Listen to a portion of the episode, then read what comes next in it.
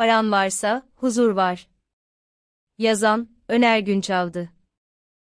Son günlerde iktidarın dış politikada yaptığı hamleleri izliyoruz. Daha önce kavga etti, dış politikada çıkarlarının farklılaştığı ülkelerle bugün el sıkışmakta, barışmaya çalışmakta. Bunun en son örneğini Suudi Arabistan oluşturdu. Elbette bu bir yakınlaşma iktidarın dış politikasındaki değişimin bir sonucu. Ama ondan daha önemlisi, iktidarın ekonomik sıkışmışlığı böyle bir dönüşümü zaruri kılmaktadır. Geçmişteki ekonomik performansının yol açtığı özgüven, bugün iktidarda kalmamıştır. Türkiye ekonomisinin son 3 yıldır çok ciddi döviz, dış kaynak ihtiyacı içindedir. 20 yıllık iktidar döneminde, Adalet ve Kalkınma Partisi maalesef ülkenin döviz kaynaklarını çok fazla geliştiremedi. Borçlanmaya aşırı umut bağladı. Dışarıdan ucuza ve kolay borçlanmaya alışmış bir şekilde, sürekli borçlanarak harcamalarını finanse edebileceğini sandı. Ede edebildiği kaynakları kullanırken oldukça savurgan davrandı.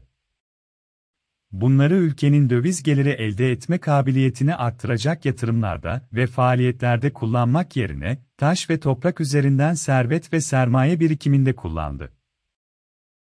Defalarca yazıldığı gibi, borçlanılan kaynakları ülke ekonomisine döviz sağlama kabiliyeti son derecede düşük olan hizmet ticaret ve venaşa sektörlerindeki iş hacmini finanse edebilmek ve bu faaliyetler üzerinden kolayca gelir akımları sağlayabilmek için kullanıldı. İktidarın şimdi aklı başına gelmiş olsa da artık iş işten geçti. 2002-2013 arasındaki gibi likidite bolluğu dünya ekonomi tarihinde tekrar olur mu bilinmez. Şu anda koşullar bunun tam tersi yönde gelişiyor. Buna bir de ülkenin mevcut istikrarsızlıkları ile jeopolitik riskler de eklenince, Türkiye'nin batılı kaynaklardan sermaye çekebilme imkanı giderek azaldı. Hatta büyük ölçüde durdu. Şimdi umudumuz Orta Doğu. İlişkilerimiz düzeldiği takdirde, bölgeden petrodolarları çekmeyi düşünüyor iktidar.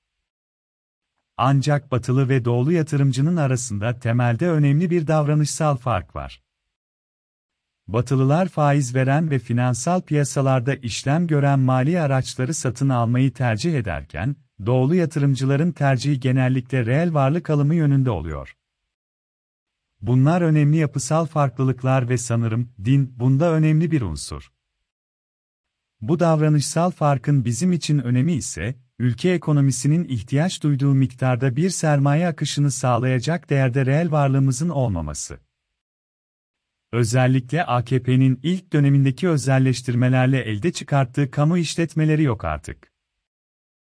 Özel sektörün, özellikle bu kur seviyelerinden işletmelerini satmaya niyetli olacağını beklemek doğru olmaz. O zaman elimizde bir tek konut ve arazi kalıyor satacak.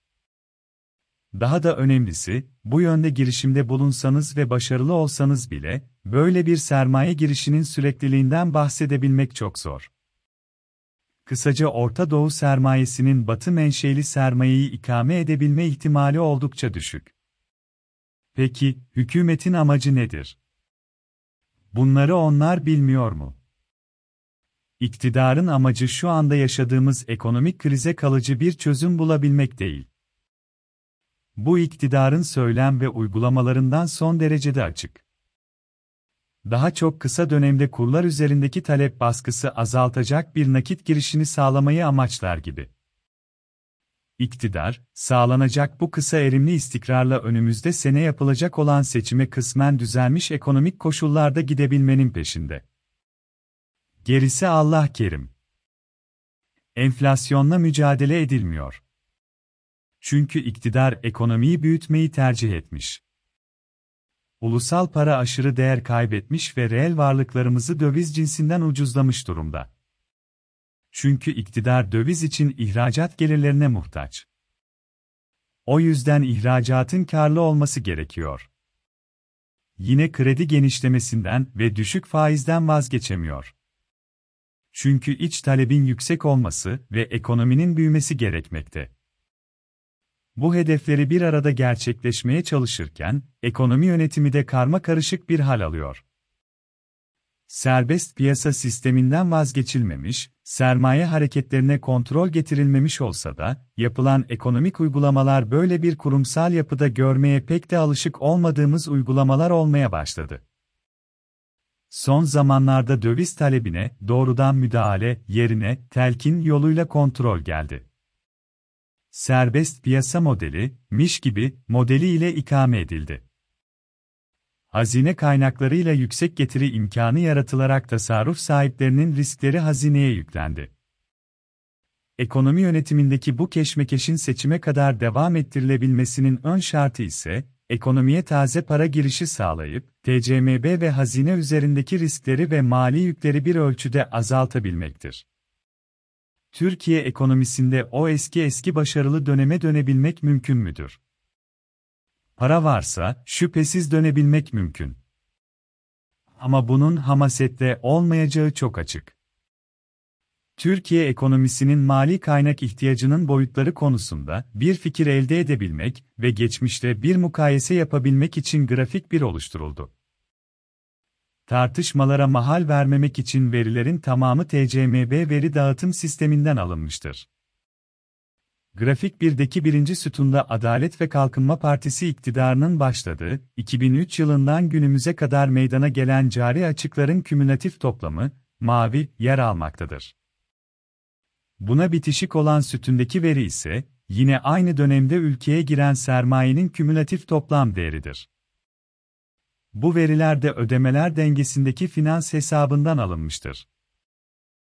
20 yıllık dönemi bir bütün olarak aldığınızda cari açık miktarının biraz üzerinde bir sermaye çekebilmiş Türkiye ekonomisi. Ancak asıl önemli bilgi dönemi iki alt dönem ayırdığımızda ortaya çıkmakta. Birinci dönem 2003-2017 arasındaki yüksek büyüme dönemidir. Bu dönemde ekonominin verdiği cari açık miktarı son derecede yüksekken, bunun finansmanı için gelen kaynak miktarı bundan çok daha yüksek miktarda gerçekleşmiştir. Dolayısıyla bu dönemdeki büyüme oranı da Türkiye ekonomisinin alışılmış oranlarının üzerinde gerçekleşmiştir. Bu dönemdeki ortalama büyüme oranı %5,8 seviyelerindedir. Aynı dönemde toplam cari açık miktarının çok üzerinde ülkeye giriş yapan sermaye TL'nin de değer kazanmasına ve bu şekilde elde edilen bir sanal refah artışına yol açmıştır. Ancak sıkıntı 2018'den sonra başlamış. Malum olduğu üzere ekonominin ilk kur şokuna 2018 yılının yaz aylarında maruz kalınmıştı. Grafik birden de görüleceği gibi ülkeye gelen yabancı sermaye miktarı cari açığın finanse edilmesi için gerekli olanın neredeyse yarısı düzeyindedir. Bunun cari açığın kontrol edilmeye çalışıldığı bir dönemde gerçekleştiğine dikkat çekmek gerekiyor. Zaten cari açığın finansmanı için yetersiz kalan sermaye girişi beraberinde TL'nin de değer kaybetmesine yol açmıştır artık iktidarın 2003-2017 döneminde olduğu gibi yüksek cari açık ve harcama politikası yapabileceği düşünmüyorum. Dışarıdan ciddi oranda kaynak gelmediği ve bugün uyguladığı makroiktisadi politikalardan vazgeçmediği takdirde, yaptığı ve yapacağı benzer uygulamalar, yüksek enflasyon ve deforme olmuş nispi fiyatlarla, sadece ülke içindeki mevcut kaynakların kesimler arasında, yeniden dağıtımına, yol açacaktır. Bunun ne kadar süreceği ise, ellerindekini kaybetme riski olanların göstereceği dirence ve dile getirecekleri itiraza bağlıdır. Önümüzdeki seçimlerin sonucunu kanımca bu itirazlar belirleyecektir.